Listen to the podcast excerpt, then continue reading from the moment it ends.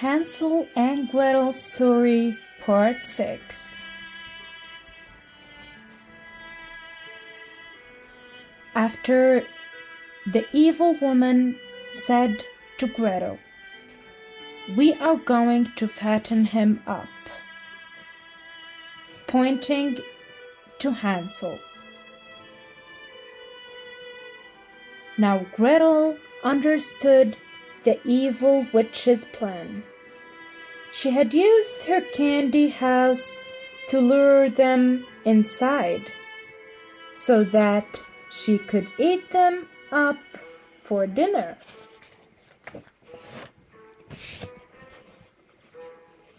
Gretel thought all hope was lost as she sat at the large metal table, slicing meat.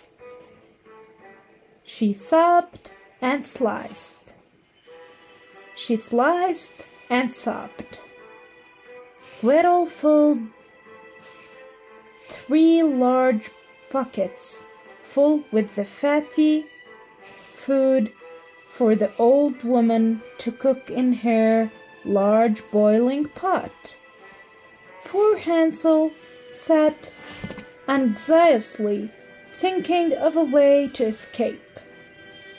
He watched as Gretel threw the scraps and bones into a separate pile beside the buckets of sliced meat. Suddenly, Hansel was struck with a brilliant idea. He started to cough violently in an attempt to attract Gretel's attention. Oh, quit your hacking. You best not be sick if I'm going to snack on you. The evil witch shrieked. All the commotions caused Gretel to look up in Hansel's direction. He motioned her to distract the evil witch. Seeing her poor brother's desperation, Gretel scarred her brain for a way to distract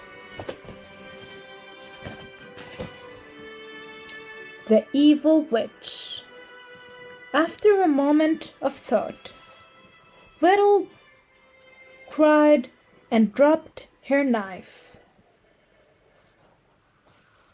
Oh my, she cried. What do you think you're doing? Get back to work. The evil, selfish witch shrieked once more. I think I saw, I think I saw dragon outside, Gretel cried convincingly. Hansel held back laughter since Gretel's claims were getting a little more and more ridiculous. A dragon, you say? The evil witch questioned. Oh, goodness! That was most definitely a dragon. I saw it. It will surely burn down the forest with its fiery breath. And then your candy house will be revealed to all the grown ups in the land, Gretel declared. You ever catch children if your candy house is not secret to the grown ups? Who can no longer smell the sweetness of the candy?